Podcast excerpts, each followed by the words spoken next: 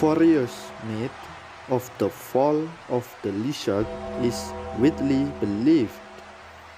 First, myth of the fall of the lizard in general in general the myth of the fall of lizard is indeed closer to the bad luck or misfortune that will be obtained therefore many are looking for ways to get rid of bad luck due to the fall of lizards because they want to avoid misfortune.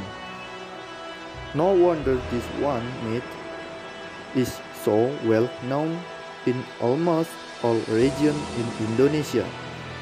Second, the lizard myth fall off the head. According to some belief, the position of the fall of lizard also determines the type of the bad luck or misfortune that might be obtained. For example, the myth of falling lizard on the head is believed to make a drag on luck or difficulty getting sustenance. Third, myth of the lizard fall on the shoulder. Next, there is the myth of the fall of lizard on the shoulder which is also closely related to the interpretation of bad luck.